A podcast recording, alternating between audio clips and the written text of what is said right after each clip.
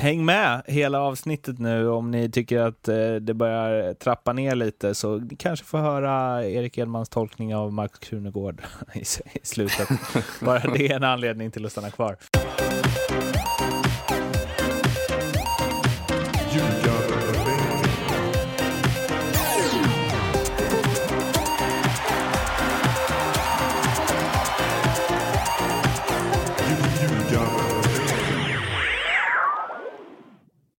Ljugarbänken avsnitt nummer 59 här, NordicBets podcast om allsvenskan i fotboll.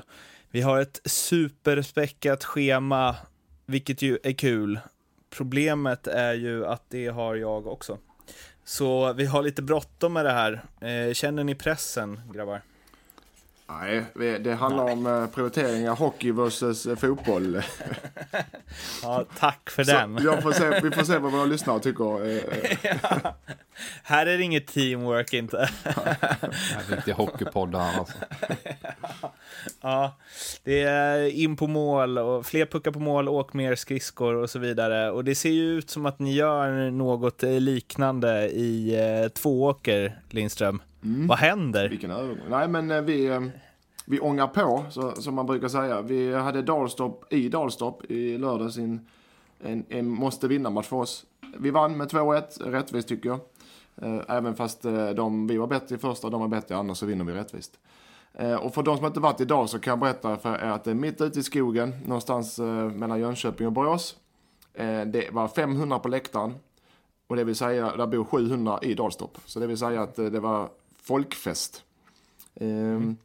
Så nu är det tabellen, eh, är det tre omgångar kvar.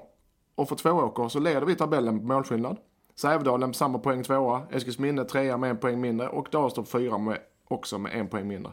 Och det är tre omgångar kvar och vi har Eskilsminne kvar. Och vi har Vinberg borta på lördag och det är, Vinberg är ett derby. Kommer det mycket folk och Vinbergs tränare är inte mer än, än någon annan än Mikael Mördaren Svensson. Nilsson som du lite arrogant Ni... skrev ja, jag, i körschemat. Ja, jag mest. eh, så att eh, det är, fina tongångar i eh, Tvååker, men jag har ju som mantra när, trä, när du vinner ska du träna som om du förlorar. Det vill säga, desto mer du vinner, desto hårdare ska du träna, inte hårdare, men desto mer noggrann ska du bli i dina träningar och förberedelser. Eh, så att man inte, många kör ju den, ah, nu förlorar vi, nu ska vi börja träna hårt, eller nu, nu har vi inte vunnit på länge, nu ska vi göra så och så och så, utan när man vinner, det är då man ska plocka fram de grejerna och träna hårt och, och förbättra sig. Så att det, det blir en fin träningsvecka. Det är också då det är härlig, härligt go i laget och då kan man trycka på lite extra utan att eh, spelarna blir gnälliga. Förstått. Exakt. Ibland vill jag ha dem gnälliga, men inte, den här veckan så blir det kan det bli lite trevligare träningar. Ja. Håller med. En fin grej med din, din liksom, hur du är som tränare är ju också att du verkar ha ganska många mantran.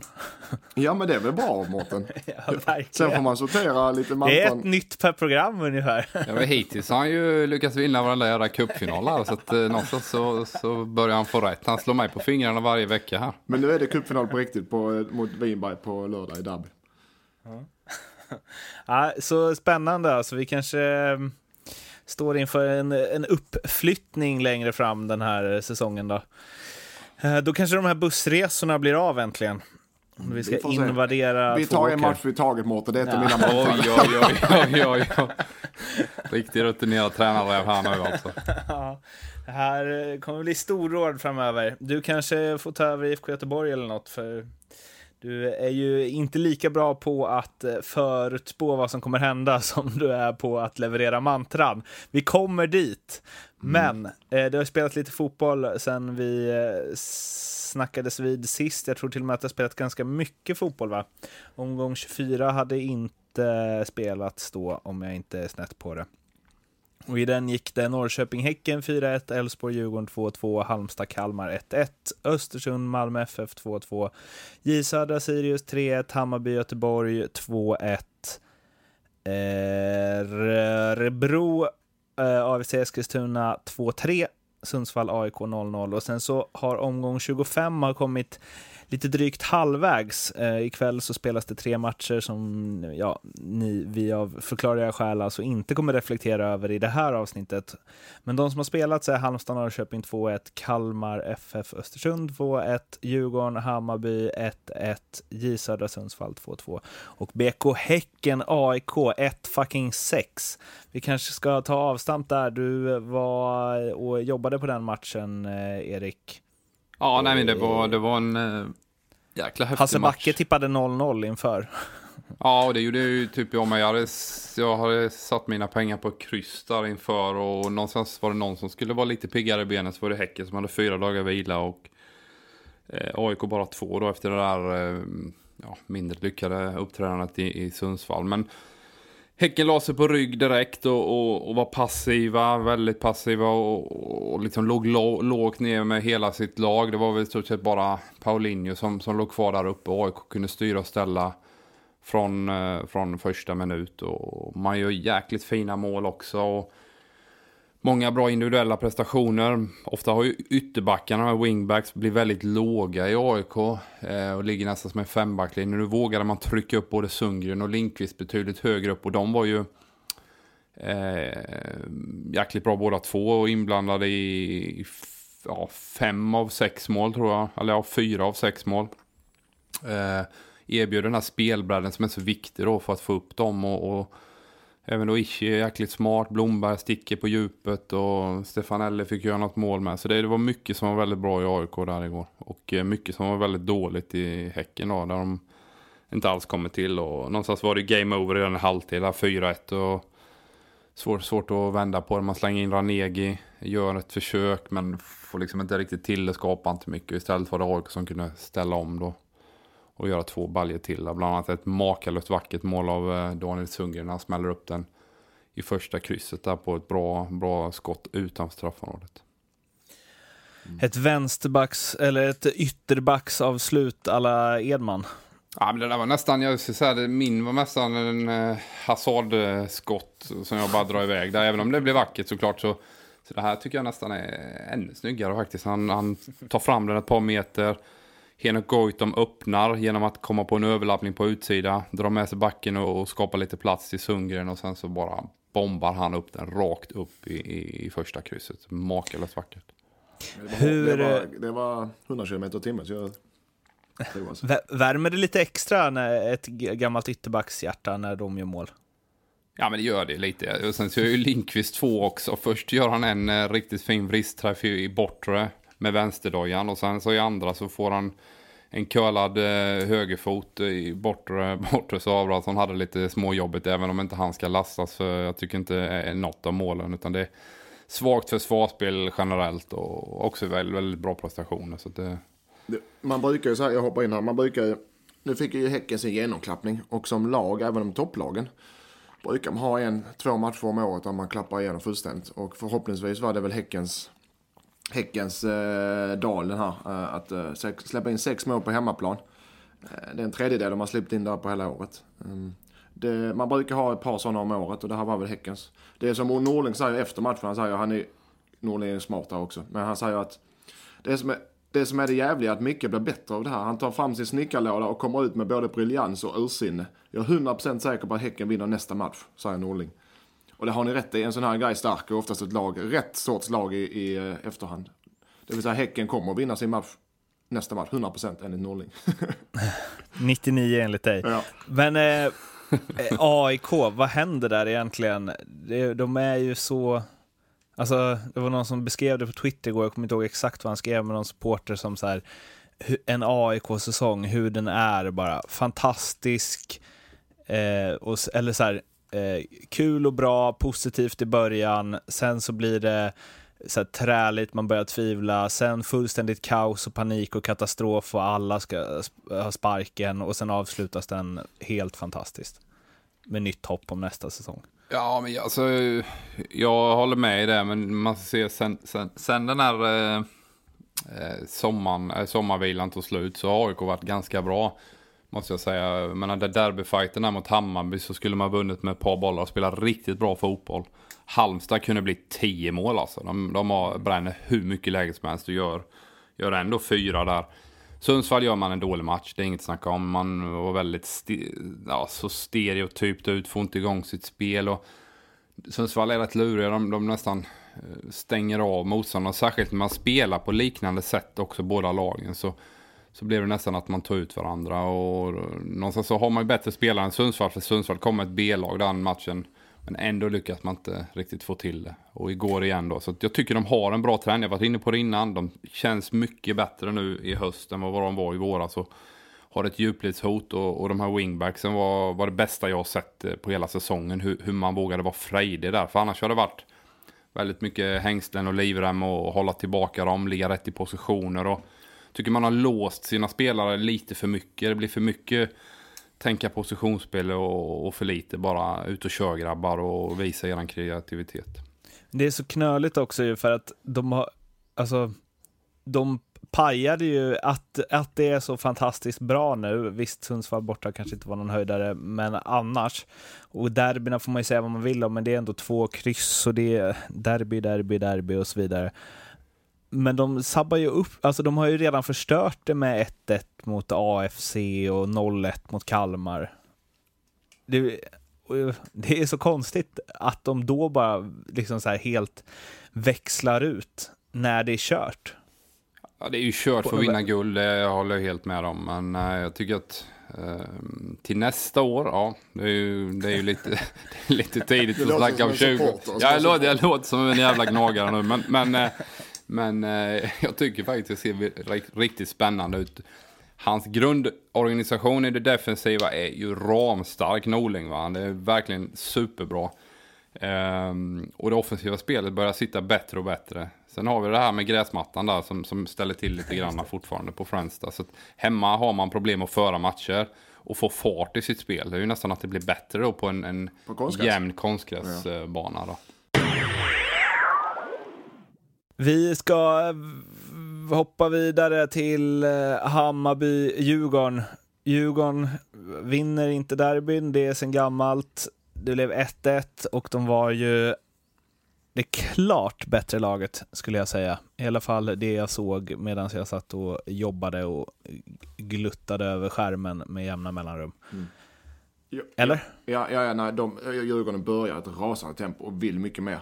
Eh, och det, jag lyfter fram, jag, jag håller ju vilan högt. Jag håller honom jäkligt högt. Så jag, jag lyfter honom som allsvenskans bästa värvning i eh, och han, han, det är han som håller honom kvar i matchen med den här fantastiska, vad ska man säga, enhandsräddningen, dykräddningen. Det går snabbt där. Eh, så att eh, Djurgården förtjänade ett mål, borde, eh, hade de fått in ett mål så, så de här matcherna lever sitt eget liv. Det blir, de vänder så pass många gånger i matcherna. Eh, även om Hammarby var tillbakapressade fullständigt så, så lyckas de ha någon kraft att vända sig. Eh, sedan är det ju just det med, med Olsson som, som hamnar i fokus av förståeliga skäl. Eh, jag vet att du vill gärna gå in i Mårten och, och diskutera den. Ja, jag tycker att han är ju med, varenda gång är ju han eh, i centrum i sådana här matcher. Och han står efteråt och gnäller på att han får en särbehandling bara för att han är lång och stor. Eh, alltså en negativ särbehandling då, då eh, av domaren. Och hur irriterad han var på det. Och sen så vis, liksom varvas det repris på repris på grejer där han eh, filmar eh, eller förstärker eller vad man väljer att använda för uttryck. Där det är mycket, det är fingrar i ögonen och det är armbågar i ansiktet och det är väldigt vårdslöst spel emellanåt. Och en, jag tycker snarare att han kommer undan ganska billigt. Jag håller med Mårten. Han, eh, han hade situation, ett par situationer även mot Elfsborg, den matchen innan, där han har någon handsituation där han eh, inte får domslut emot sig. Och, och, så nu då filmar han mot, mot Hammarby när de gör ett fullt korrekt mål. Så det är klart att han kommer undan. Eh, sen, sen, måste man ju sätta sig in i hans perspektiv. Han jobbar för Djurgården och, och, och vill, vill såklart skapa så mycket fördelar för sitt lag som möjligt. Så att, eh, jag tycker han gör rätt och liksom är lite street smart och försöka pressa domare. Den här fysiska närvaron han har när han är två meter lång, det är klart att eh, han ska på, på sätt och vis skrämmer folk också. Va? Så att, eh, han gör rätt för, för sitt lags bästa, men eh, han borde blivit bestraffad igår. Ja, den var, ja. Den, men den igår var ju... Han gör det klokt. Han går fram till domaren och säger kolla de screenar mig och håller på och puttar på mig hela tiden. Håller ett öga på dem. Den, den klassikern. Och, och domaren är ju så pass... Eh, ska inte säga, vissa domare är så pass ödmjuka. Okej, okay, ja men jag respekterar din åsikt. Jag håller koll på det. Och så räcker det, att, som det här fallet, att man ser en arm som är uppe någonting. Frispark. För man vågar inte chansa i straffområdet. Och nio av tio gånger så blåser de till försvarens fördel i straffområdet. Eller målvaktens fördel för den delen. Eh, det finns ju en gammal regel som eh, back om du kommer felvänd och du har en forward som jagar dig i ryggen ner mot hörnflaggan. Och då, det räcker du känner, ja, du behöver inte känna någonting, det är nästan bara att lägga sig. Eh, så får du frispark. Nio av tio gånger. Ah, på alla nivåer ska sägas. Men... Eh... Och det är inget, och det är filmning, det är ren filmning. Och det gör alla. Jag har gjort det, Erik har gjort det, mina spelare gör det, eh, de flesta spelare gör det. Det är ett mantra du har. Det är ett mantra jag har. Lägg där jag filmat. Framförallt eh, nere vid hörnflaggorna. Gärna nere vid hörnflaggan. Då blir coach nöjd. Ja. Men, eh, för jag blir nästan... Alltså jag vet inte. Nu håller inte jag liksom på något av lagen, men jag blir, änd jag blir ändå provocerad av Jonas Olsson. Det måste vara fantastiskt att här, hålla på Djurgården och ha han i ens lag. För jag tror ju också någonstans, det du säger Erik, att att han kör ju sitt race och han försöker göra, dra så mycket fördelar som möjligt. Så. Men jag tror ju också att han på riktigt tycker att domarna är orättvisa mot honom. Ja, men det, det tror jag också han tycker. Någonstans, när man är där känslomässigt uppe i varv och allting så, så är man ju knappast eh, någon objektiv bedömare av, av situationen när man själv spelar. Utan man blir ju väldigt enögd och, och, och liksom ser bara till sin egen fördel och har svårt att, att relatera till någon objektiv bild som, som eh, allmänheten kanske har då, eller vi då eh, har såklart. För vi har ju helt rätt här ju. Mm. Eh, nej men det, det, sån är man ju själv, jag vet det också. Det var massa situationer eh, som man har varit med om där man, när man bara försöker vända det till sin egen fördel och nästan i sitt eget huvud kokar ihop någon, någon story som, som ska stämma eh, och så lägger man fram argument för det och man är helt övertygad när man själva verket är helt jävla snett på det han, Olsson när han spelade, eh, när vi mötte honom, jag spelade många gånger mot honom när han spelade i Landskrona. Då var han en full spelare, eh, tog mycket varningar och han har blivit bättre på det. Eh, han tar inte så mycket, det var rena kapningsvarningar då. Ehm, och han blev bättre på det, för då... Eh, och jag tror också han har blivit bättre faktiskt på att ta stryk. Även om det är han, nu gnäller han, eh, men det är mest på domarna. Men han har blivit bättre på att ta stryk. Han delar ut stryk, men han, han har blivit bättre på att ta stryk också från motståndare. Jag tror inte han är lika gnällig just där, som han var förr i tiden han kommer ändå hem efter tio år i England och har plockat ner Ja, plockat ner kanske han inte har gjort med Suarez kommer jag på, för det finns väl någon härlig tunnelsekvens där, eh, i alla fall om man är Liverpool-supporter. Men eh, han har stångats med eh, många av världens bästa anfallare under flera år, har väl, eh, var väl hyfsat ansedd och så i West Brown. Eh, kom hem, jag trodde att det var eh, eller jag trodde att han eh, tänkte att han skulle dominera i allsvenskan.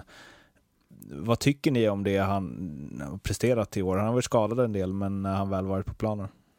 Jag, ty jag tycker att Jonas har gjort det ganska bra när han har spelat. Han har inte varit den här braksuccén som kanske Marcus Rosenberg var när han kom hem. Som i, eh, och påverkat så mycket. Då, som du säger, han har varit skadad. Men han har också spelstil som, som, som kanske passar bättre Eh, Eh, i England i ett lag som West Bromwich som får fightas. Det är en hel del dueller. Där är han ju otroligt stark då med sin storlek och det va. I Djurgården som ska föra spelet, ett topplag i Allsvenskan, så är han inte lika skicklig med bollen och driva upp ett tempo med bollen framförallt. Jag tycker ofta att det tar eh, lite för lång tid eh, och, och liksom transportera boll och hantera boll för Jonas. Eh, för att eh, i nästa skede då ge sina medspelare bra positioner då med, med bra och snabba passningar. Likaså med konstgräset. Eh, har inte spelat konstgräs på tio år. Och det är kontinuerligt. Som man gör i Allsvenskan. Och det är, det är inte det lätta ska sägas alltså, att gå in rakt in på Tele2 där det en blöt eh, eftermiddag går jäkligt snabbt på marken. Speciellt om man är två meter. Det, ja, han älgar ju på, får man ja, det ändå kan man säga. säga. Han gör det bra efter sina, sina förutsättningar. ja, var. Men en, en sak du säger där Erik om eh, Rosenberg, för att eh, även Kim Källström har ju fått kritik och andra hem, hemvändare också som jag inte kommer på just nu. Men det är ju det är någonstans att när Rosenberg kom hem och var så pass eh, dominant som han var, och, eller ändå så här, ledde laget till segrar, även om han inte alltid gjorde mål eller var bäst på plan och så, men bidrar ändå med någonting. Det har ju gjort att alla hemvändare, eh, man, man utgår ju från liksom Marcus Rosenberg. Ja, det. Att det är så det ska se ut. Ja, nej, vilket det blir- gör det ganska tufft. Ja, det är, en jättetuff utmaning. Det är en referensram att förhålla sig till. Jag tycker Jonas gjorde det bra. Jag tror att Jonas, Kim och, och, och Isak framförallt har en stor roll kring träningar och de här bitarna också som är väldigt viktiga. Och han är ledartyp, Jonas, så att han bidrar med väldigt mycket eh, i, i det där laget och inte bara då i spelet. Det tror jag, alltså, varenda träning och, och varenda samling och allting, att hålla uppe, i, hålla uppe farten och vinnarmentaliteten, men även, även eh, få in vinnarkulturen i laget. Det, den, den tror jag, den vet jag han är stark på. Vinnarkultur, ah, fan får inte riktigt till den här, men eh, Ja, men de, de börjar, det, det gör man inte över en, en kafferast, utan det, det tar tid att bygga upp en vinnarkultur. Men jag tror, jag har varit, jag har varit kritisk mot Djurgården om någon här i podden. Uh, Djurgården, Hammarby, AIK, jag gillar inte uh, storlagen. men uh, ja, eh, ja eh, de, de, börjar, de börjar få in en vinnarkultur där. Eh, Och det tar tid, men med de spelarna de har så eh, kan det fungera. något som inte fungerade var eh, Mr 99% som Mm. blev Mr 1%. Ja. Olof Mellberg eh, kommer inte träna i IFK Göteborg nästa år, i alla fall inte enligt eh, Daniel eh, Disco Kristoffersson på Expressen. Nej. Och det, Kommentar, Mr. Nej, och det, 99%. det verkar som han har rätt, Kristoffersson. Eh, Mellberg dementerar det ju. Men, eh, och det var därför jag garderar mig med den här procenten. nej, men eh, det var... det var... Det är inte mer än det att säga att jag... Det, är klart jag hade fel där. Eller det är inte klart, men jag hade fel. Det var ju så gott som klart, men vad jag har hört så, så var inte Mellberg nöjd med Eh, eller de kommer inte överens riktigt om eh, Göteborgs eh, satsning heller, hur, hur den ska se ut till nästa år. Just med ekonomin och vilka spelare man kan behålla, vilka spelare man måste sälja eller, och vilka spelare man kan ta in. Det var där det, det fallerade, vad jag har hört. Sen är också, menar, om Mellberg är hemma hos Gren på möte för en och en halv, två månader sedan i hans lägenhet och blev fotad och, och går inte ut och dementerar någonting för en, för en vecka sedan, då har du ju legat nära till hands såklart. Så att eh, själva grundinformationen var rätt men blev fel i slutändan. Och jag tar på, jag, det är inte så att jag kommer sitta och försvara, utan jag hade fel, inte med med det ju. Det har man ibland. Det har man ibland i den här knasiga Ibland har man fel, där-. Ibland har man fel, där har du ytterligare ett mantra att Ja. Ibland gör man rätt, ibland gör man fel som eh, Krunegård så, så här vackert sjunger. Det, fint. Nu hade man önskat att vi hade lite så låträttigheter här så hade vi kunnat klippa in det. Men, men, Men- Erik kan sjunga, om, eh, eller det kanske tar stimpengar då. Det är min sångröst är ingen som lyssnarna vill höra det, jag lovar jag dig Mårten. Eh, Men ehm, som eh, vi också pratade om lite off record, då, att det är klart att det, det fanns någonting i det här. Det var inte så att han, ja, det är självklart inte så att de diskuterade Kalle Starfelt eller gamla minnen i eh, 90 minuter. Nej. När Mellberg var hemma hos eh, Mats Green. Att det får den här vändningen, vad tror vi liksom? Ja, Göteborg, tränarjakt, det har eh, surrats ganska länge om det, vem de ska välja och så. Nu var de ju uppenbarligen intresserade här och det verkar ju som att det är Mellberg som har backat. Mm. Vad innebär det för Mats Gren och kompani?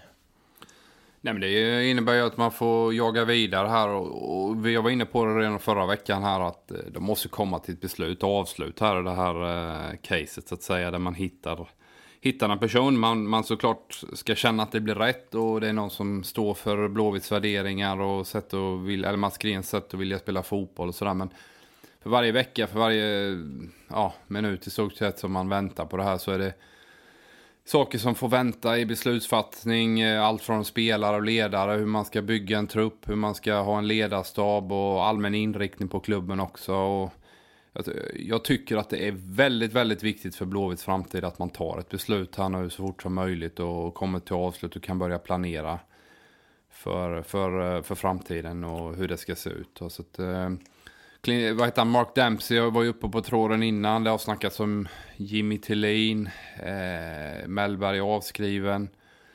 Eh, interna lösningen då, klart ekonomiskt eh, det bästa för, för Blåvitt. Slippa köpa loss en tränare. Eh, Dempsey har ju kontakt till exempel med Molle, då ska du hämta honom. Och vem ska han jobba ihop med? Hur funkar ett sånt team då om man bara blir påtvingad Torbjörn Nilsson och Alf Westerberg till exempel. Um, ja, det är ju mycket. Jag, jag menar, Torbjörn Nilsson har också själv varit ute och, och Torbjörn Nilsson har själv varit ute och fiskat lite nu om vad händer nästa år och sådär. Så det finns ju en osäkerhet definitivt. Vad jag inte tror på Mark Dempsey i Göteborg alltså. Nej, den, eh, den, jag tror inte han passar in där nej, överhuvudtaget. Jag kan eh, Dempsey för dåligt, men, men det känns, det känns, ja, som sa, det känns ingen match riktigt. Så men, men för, tar de väl in honom och vinner SM-guld nästa år bara för det. För att klargöra, uh, det var ju väldigt, väldigt, väldigt nära, men Benberg backade ur antagligen på grund av att uh, de inte kom överens om vilka spelare som skulle in och ut där. Vad händer med Mellberg nu då? Paddel eller AIK? Ja, det är en bra fråga. Edman. Uh -huh. Han är grym på padel hör jag.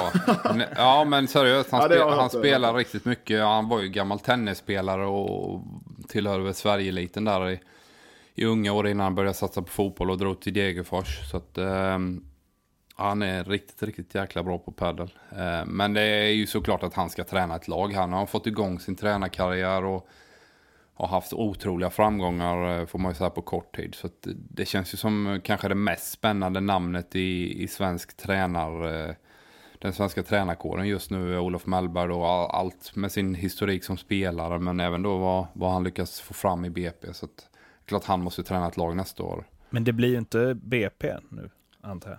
Nej, det känns ju också tveksamt eh, vad, vad vi var inne på förra, eh, förra veckan där kring, kring att eh, han vill se en satsning och, och eh, från BP's sida där man, man ska vara med och så man inte blir det här stryk, strykpojkarna nästa år och åker ur direkt. Så att, eh, det är ju viktigt för hans CV att han, han får en bra trupp så att han eh, kan leverera. För någonstans det är ju där det handlar om. Man måste ha bra spelare för att kunna vinna fotbollsmatcher.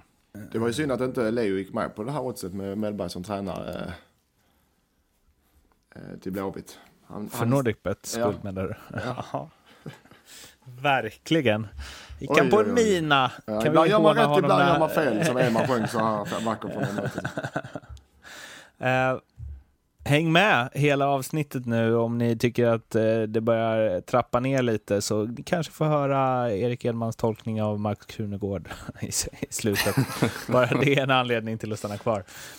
Uh, på tal om tränare då. Elfsborg möter ikväll Malmö FF på bortaplan. Och eh, det har väl gått sådär för Elfsborg den här säsongen. Magnus Haglund plockades tillbaka inför, vad var det? Förra, förr, för...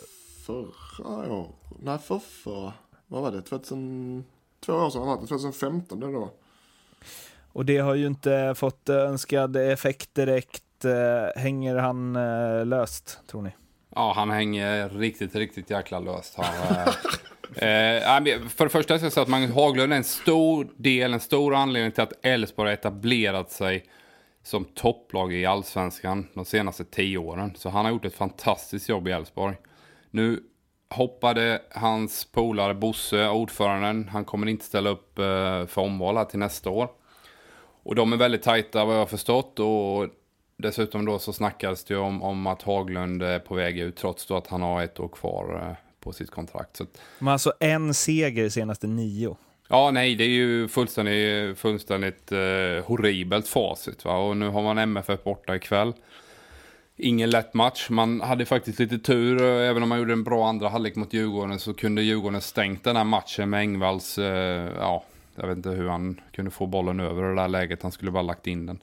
Så att eh, Magnus Haglund har det riktigt tufft här och han har ju även då en spelartrupp som inte är riktigt eh, på samma våglängd som man själv verkade som också då med den interna kritiken som kom ut här i våras då. Nu lyckas man ju rädda upp det ett antal matcher där och spelar riktigt trevlig fotboll men man är tillbaka i den här eh, formsvackan nu och ser väldigt eh, svaga ut och framförallt är det ju defensiven som har jäckat eh, Elfsborg eh, i flera år då va? Som, som inte är bra och sen varken Jebal eller Lundevall i samma form som han var här under sommaren då, eller innan sommaren.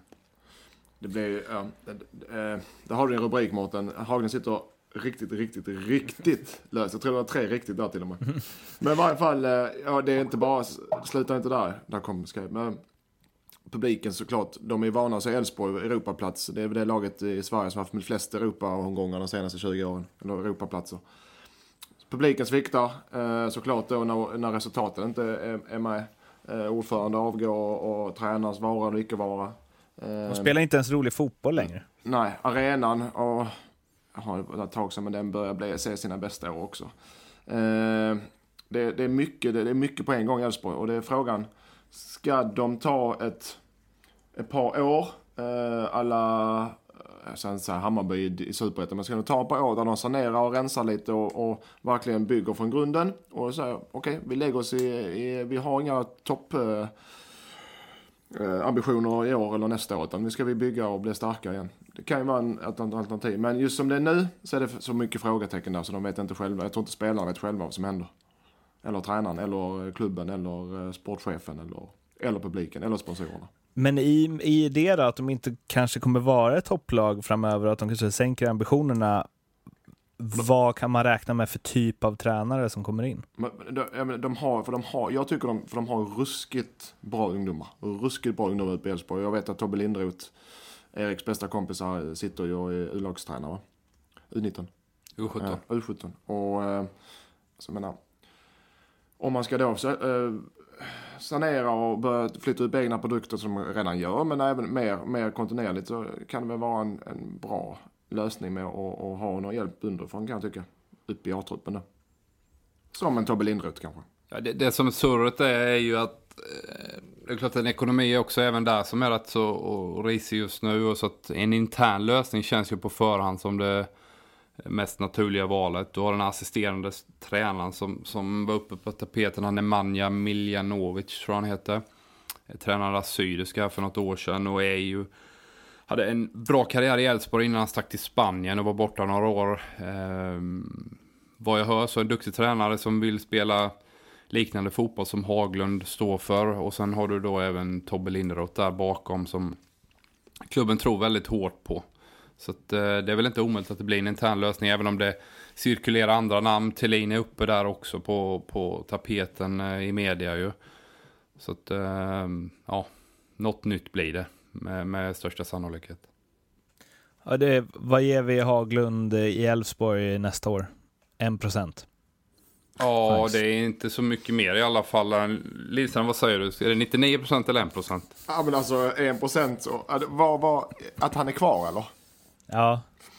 Jag vågar inte. Jag, jag är, så som man säger bettingvall, jag är ur form. Eh, en man får ta den, en man får ta den oddssättningen. Ah, procent, procent jag, har, jag, jag gillar inte det att sätta det, för jag, du bara fiskar efter rubriker där Mårten. Men han... Ja, han... du har redan riktigt, riktigt, riktigt, riktigt, riktigt löst. Du har fem, sju stycken riktigt. Eh, han, han sitter löst. Mm. Riktigt, om, riktigt, du, riktigt. om du ska offra travhästar och bilar så sätter du dem på att Magnus Haglund inte tränar Elfsborg nästa säsong. Ja. Ja. Måste bara snabbt, eh, snabbt eh, lite, eller sidospår är det inte alls, det är bara att det inte hör till körschemat riktigt. Men på tal om dåliga trender så kikade jag lite som hastigast på Sirius. De hade alltså 1, 2, 3, 4, 5, 6, 7 på 8 en torsk, två oavgjorda och fem segrar på åtta matcher mellan juni och eh, mitten av augusti. Och sen dess har de fem raka torsk. Mm. Det, ja, den är ju...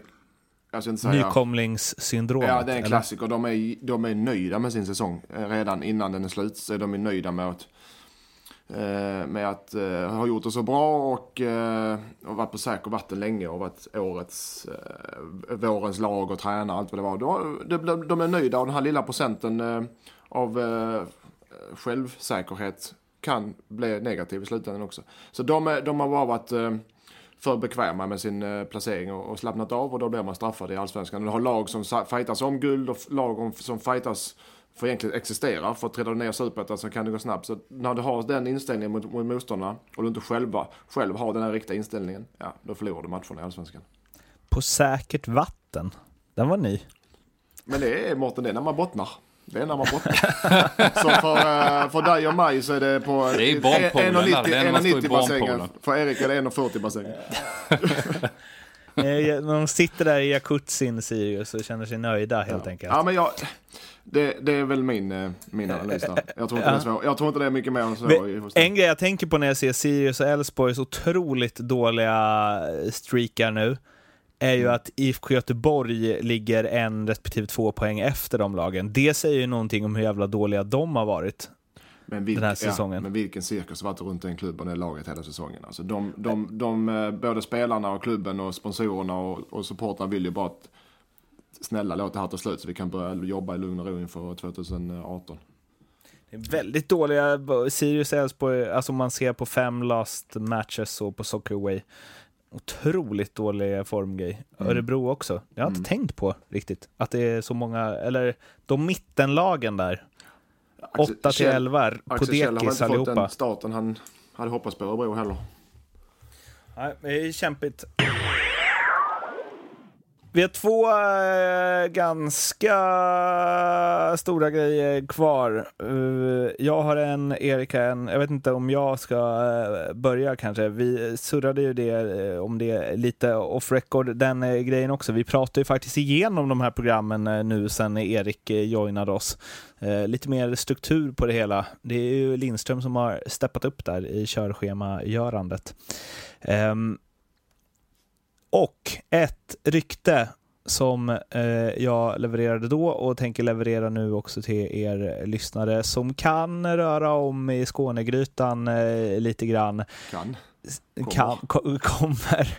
Sägs att eh, Jordan Larsson under U21-samlingen i somras i Helsingborg tog en fika med Malmö FF sportchef Daniel Andersson. 99 procents eh, säkerhet drar jag väl till med att det är eftersom det är de siffrorna vi jobbar med i den här podden. Eh, om det inte är den där sista procenten där, vad eh, säger ni om det? Och du Lindström har ju spelat med Jordan. Ja, eh, jag tror det var i Falkenberg eh, vad, vad jag har hört. Men, men eh, Ja, precis. Jag blandar ihop med men, ja, det är ingen fara. U21. Det är söder som söder för dig kanske. Men eh, eh, nej, eh, jag gillar Jordan. Jag gillar honom som person, jag gillar honom som spelare. Och hans situation, han är inte nöjd med situationen i Näck. Eh, De trillar ner, han har inte fått mycket speltid. Nu spelar han, men, men han spelar på en position som han inte känner sig bekväm med. Och har gått ut offentligt med det. Och det vet, nu känner inte tränaren ner med sådana grejer i utlandet, gå ut offentligt och gnälla. Eller gnälla, gå ut offentligt och beklaga sig för att man, man spelar, men man tycker man spelar på fel position. Det brukar inte vara populärt. I varje fall. Ja. Eh, den är väldigt känslig för, för helsingborgare eh, och även för MFF säkert. Men för helsingborgare är den väldigt, väldigt känslig. Och jag vill inte ta i den utan ha mer kött på benen eh, faktiskt. Eh, utan eh, eh den får Erik. Jag kastar över den till Erik. Schysst.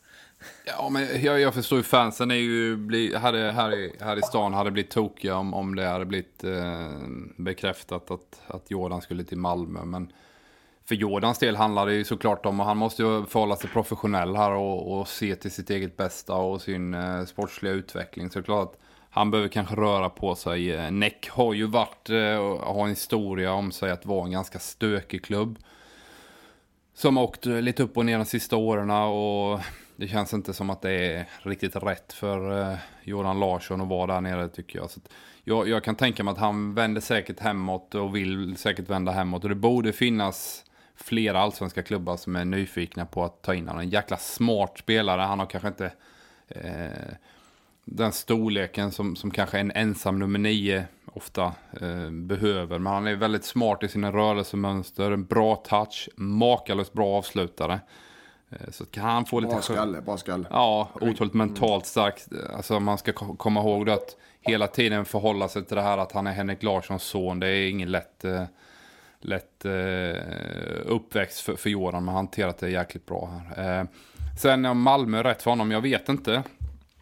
Jordan behöver spela han nu ganska omgående och komma igång med matchandet. Så att, kan han få garantier, vilket man aldrig såklart kan få, men, men eh, att, att Magnus verkligen tror på honom, om det nu är, är sant det här ryktet då, så, så klart det är intressant, men jag, jag, jag kan se flera allsvenska lag som borde vara, vara sugna på att plocka Göran Larsson till 2018. HF då? Är det inte aktuellt? Nej, men det tycker jag inte. Så det avslutet som blev i, i HIF så är man i superettan dessutom här och förmodligen då efter kryss igår mot Falkenberg så, så blir man väl kvar i, i en serie under då eh, än vad Jordan kan säkert tänka sig eh, vilja spela i. Så att, eh, jag tror inte HIF är aktuellt här. Ja, han är ju bara 20, man glömmer ju lätt det eftersom han ändå varit med ett tag. För mig känns det är klart alla spelare blir bättre av att spela med bättre spelare. Men han med, han, med sin smartness och sättet han spelar fotboll på känns som att han hade gynnats oerhört av att vara i ett eh, topplag med eh, ja, Eikrem-spelare eller Christiansen eller vad det nu är som han kommer ha runt sig. För det känns som att han spelar lite mer dela, deras spel än vad han gjorde med spelarna i HF. Ja, nej, jag, håller helt, jag håller helt med dig där Mårten. Det, man pratar om kombinativa spelare. En spelare som kan liksom eh, vara involverad i, i, i en, en, serie passningsmönster och så vidare. Liksom. Så där är Jordan jäkligt smart först och främst. Då. Alltså att han kan förstå när han ska löpa djupled för att öppna ytor till andra. och, och eh, just den här touchen är väldigt spännande in i sista tredjedel, små skarvar, tillbaka spel, går djupled. Så att han har väldigt mycket i sitt register och jag tror nästan att, som du är inne på, att han hade passat bättre i topplag som driver än han fick, fick göra förra året och i HIF. Det blir väldigt mycket slita defensivt och så kontra då. Och det är mycket kombinativa spelare i, i topplag. De har råd att köpa kompis där också, ska sägas Erik. uh, jag, jag håller med där också. Han är en eh, en spelare som, som klok fotbollsspelare som tänker mycket fotboll och, och behöver bra spelare runt omkring sig. Om, han, om det är liksom en fika är bara en fika, man har ju fikat med folk eh, som man inte gjort något mer än fikat med. Men... Eh, han fikar inte med Daniel Andersson. Han, eh, Jordan Larsson fikar inte med Daniel Andersson utan eh, för mest för, eh, för att bara snacka skit. Det, det garanterar jag. Nej, det, så är det. Men eh, det behöver inte betyda heller Nej. att han hamnar i Malmö FF. Men om det är en sak han överväger och en sak som de överväger blir väldigt spekulativt här, men just det som kommer komma med det. Eh, 20 alltså, nu uppfattar jag honom som att han har otroligt starkt psyke. Ja, det har han. Han är, star- han är ruskigt stark mentalt. Eh, men det kan ju störa en karriär. Vad sa du? Att det kan ju störa en enormt liksom det som kommer blåsa upp kring det här. Fast om, nu vet jag inte, så... nu ligger Helsingborg i superettan ja. och så, det är inte riktigt samma grej. Liksom. Är det så här att, att, den, att den smäller, om det här blir verklighet, eller det blir, då, då, då kommer helvetet braka loss i Helsingborg igen. Eh, det kan jag garantera. Men eh, sen har han så pass, eh, han lever i en sån familj som är så pass skyddad eh, och, och eh, vet hur man tar avstånd från sådana grejer. Så det, han kommer att klara sig. Men eh, stan kommer ju ta det väldigt, eh, supporterna i Helsingborg kommer att ta det väldigt, väldigt hårt. Någonstans har väl han också, ja, sånt här brukar ju inte fotbollssupportrar ge speciellt mycket för. Men det var ju inte direkt hans fel att Helsingborg ramlade ur. Nej, absolut inte. Och, och jag tycker väl snarare att han var i andra änden av det. Att han var en av de som stod upp allra bäst och gjorde allra mest och visade ja. både mest kvaliteter och mest hjärta. Ja, absolut. Nej, nej, det finns, det finns ingen som och jag menar, det är därför vi, både jag och Erik vi gillar Jordan och han respekterar honom. Det är en bra kille alltså. Utan tvekan. AIK snackades det om kring honom när han istället gick till Holland. Ja, men det tycker jag är ett, ett eh, bra alternativ det också. Skulle det vara, visa sig att Obasi drar vidare eh, och inte vill vara kvar i AIK så tycker jag att Jordan är ett jäkla bra namn att kunna plocka in där. Eh, ja, Stefanelli, Henok börjar komma i form också. Så att, eh, Avdic lär ju knappast eh, bli hetare nästa år och borde väl kanske ses om och, och för en annan lösning. Så eh, Elfsborg? Ja, för Avdic menar du eller för Jordan? Mm. För uh, Avdic? Ja, nej men det är klart att de, de kan säkert vara sugna på att plocka tillbaka honom. Uh, vad har vi mer för lag? Uh, Hammarby, Djurgården? Nej, jag, jag tycker AIK kanske kunde varit en vettig, vettig destination. Får bara uh, out of the blue här. Imad Khalil i Norrköping nästa år. Kom ihåg var ni hörde det först. Och om det inte blir så, glöm det. Hur går det för honom i BP? Spelar han överhuvudtaget? Nej, men jag, jag har en feeling där alltså. Ja, nej, men ja, du har feeling. Det är Ja, inte ihåg 99 vad vi hörde det procent. Absolut inte 99 procent. Men jag tänker att han eh, 98. var så jäkla bra där och de gav honom så mycket chanser och en av dem som gillade honom allra mest var Mattias Florén och det känns som att han har ganska mycket att säga till om i den klubben. Och kan man få loss en sån spelare som ändå har vunnit skytteligan i allsvenskan, förvisso för några år sedan, eh, för en billig peng. Bayern lär ju inte göra allt som står i deras... Du, kan- de kan säkert få honom för billig peng, men frågan är hur billig han är att ha. Mm, nej, det är sant. Man kanske kan eh, betala hälften var eller något sånt där. Ja. Nej, men alltså Mårten, Klassisk den, den Hammarby-deal. eh, out of the blue som du sa, den var inte helt jävla... Vi gillar ju ljugarbänken, här gillar vi sådana här grejer. Jag känner att jag ville kötta på lite när vi ändå är inne i ryktessvängen. Så. Har du hört om han Erik Edman som är på väg till IFK Göteborg som tränare? ja, precis. Snacka om om att ta grisen i säcken där alltså, Mats Gren. ja. Han kanske kan få lite sång, om inte annat.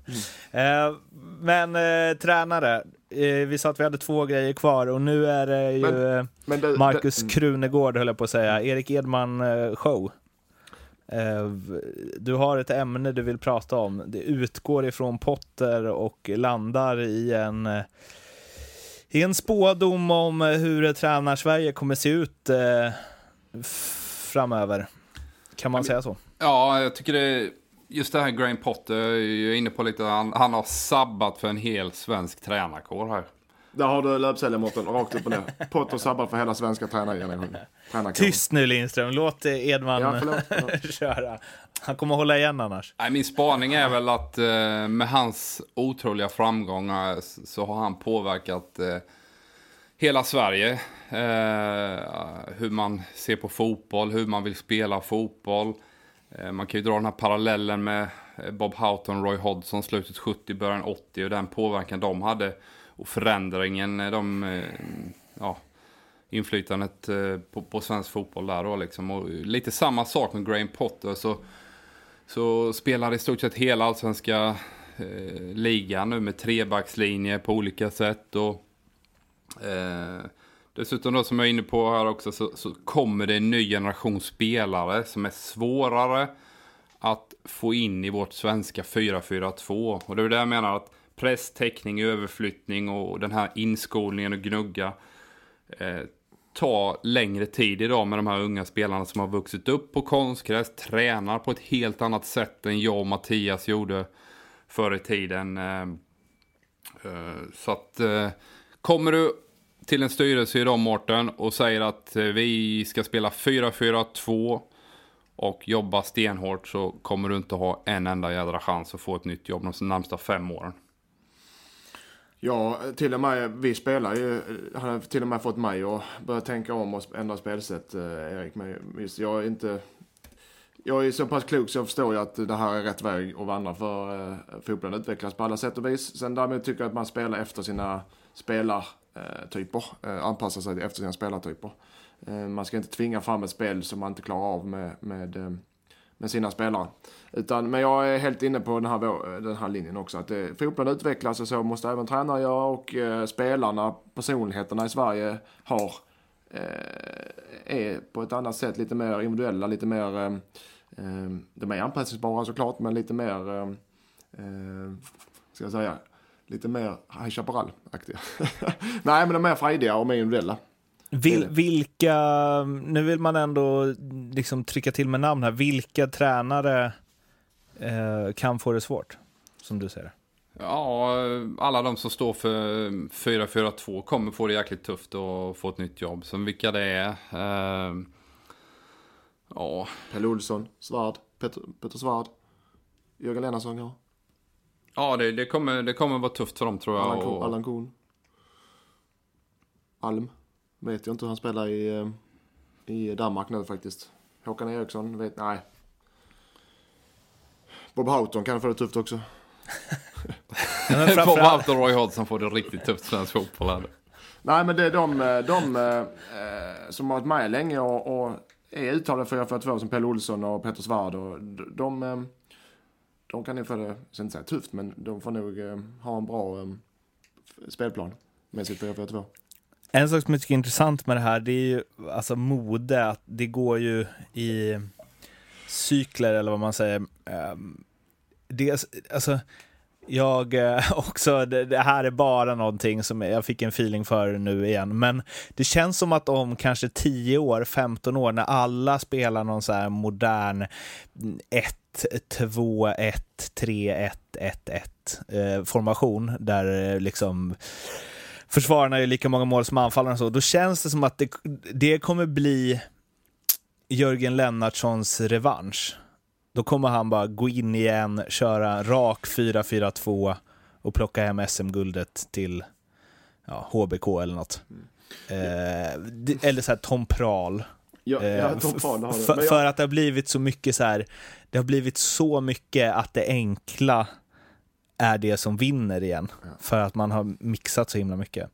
Kan ja, det, ja, eller? Ja, nej, jag, jag förstår resonemanget och det, det kan inte helt omöjligt i framtiden. Men jag, sen är jag också det här just med, och det kan vi diskutera i oändlighet, just med spelsätt och spel eh, som 3-4-3 nu som Potter spelar och som vi, det är det vi förespråkar nu här. Men jag menar, om man kan ju också bara ändra positioner i. Vi tar 4-4-2 och du, och du sänker en anfallare, flyttar upp din yttermittfältare eller har någon offensiv ytterback och kanske kantrar en, en sida. Ja, vad har du då? Ja, då har du helt plötsligt 3-5-2 eller du har 4-3-3 och 3-4. Så sätt kan man ju prata hur man vill, men sen är det ju mest med spelvägar. Vilka ytor söker vi? Vilka passningar söker vi? Eh, eh, vilka löpningar söker vi? Det är väl det som är mest intressant. Just hur, hur man spelar kan man modifiera hur man vill med, med, med att sänka och höja spelare på vissa kanter eller i mitten. Eller, det, det, så det, det, det, kan man, det, det kan vi prata oändlighet. Men jag får svara på ditt resonemang Mårten. Ja, ett eh, klassiskt 4-4-2 i framtiden kan bli det nya 3-4-3. Återigen, kom ihåg var ni hörde det först. Ja. Nej, men, eh, vilka ser man mer i, i Potter? Eh, svansen då, som är eh, ja, vilka spelare som kommer att kanske ha, ha lätt att få jobb i framtiden. Tränare, ja. Mm, ja, tränare, precis. Ja, men det, fin det, finns väl, eh, ja, vi har varit inne på Mellberg lite grann och Valentish då som, som driver en modern typ av fotboll. Även nu Gävle har ju ändrat om, eh, ja, ordentligt då sen, sen eh, han Poja kom in här och, och ändrat. Och, och ser riktigt spännande ut. Så det kommer en ny generation tränare som, som står för lite andra grejer. Och eh, så att säga, man utgår ifrån, det är ju det är generellt alltid så, men att man utgår ifrån den typen av spelare man har. Och framförallt då den här nya typen spelare som kommer fram som är bättre passningsspelare än vad jag och Mattias var. Är bättre offensivt på att lösa saker. Men förmodligen då också sämre i det defensiva spelet. Att förstå hur man ska förhålla sig till, till varandra i en defensiv organisation. Då. Jag pratade lite grann faktiskt med, med Jens Gustafsson om detta för ett par veckor sedan. Och Norrköping har ju ändrat till eh, 3-4-3 här nu då.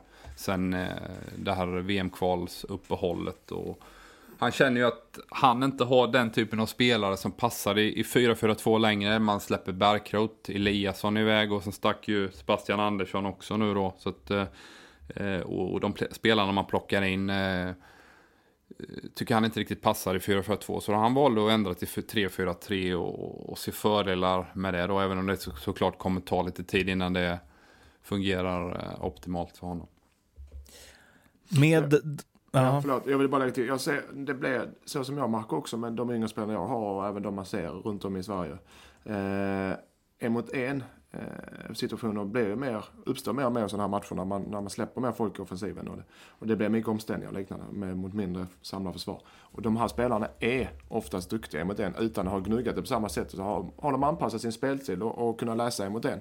Eh, det ser man eh, oftast. Så det, det tycker jag är en, en viktig del också att en mot en spelet just med hur man utmanar och hur man försvarar det, det är fan en stor del i det här spelet. Ruskigt stor del.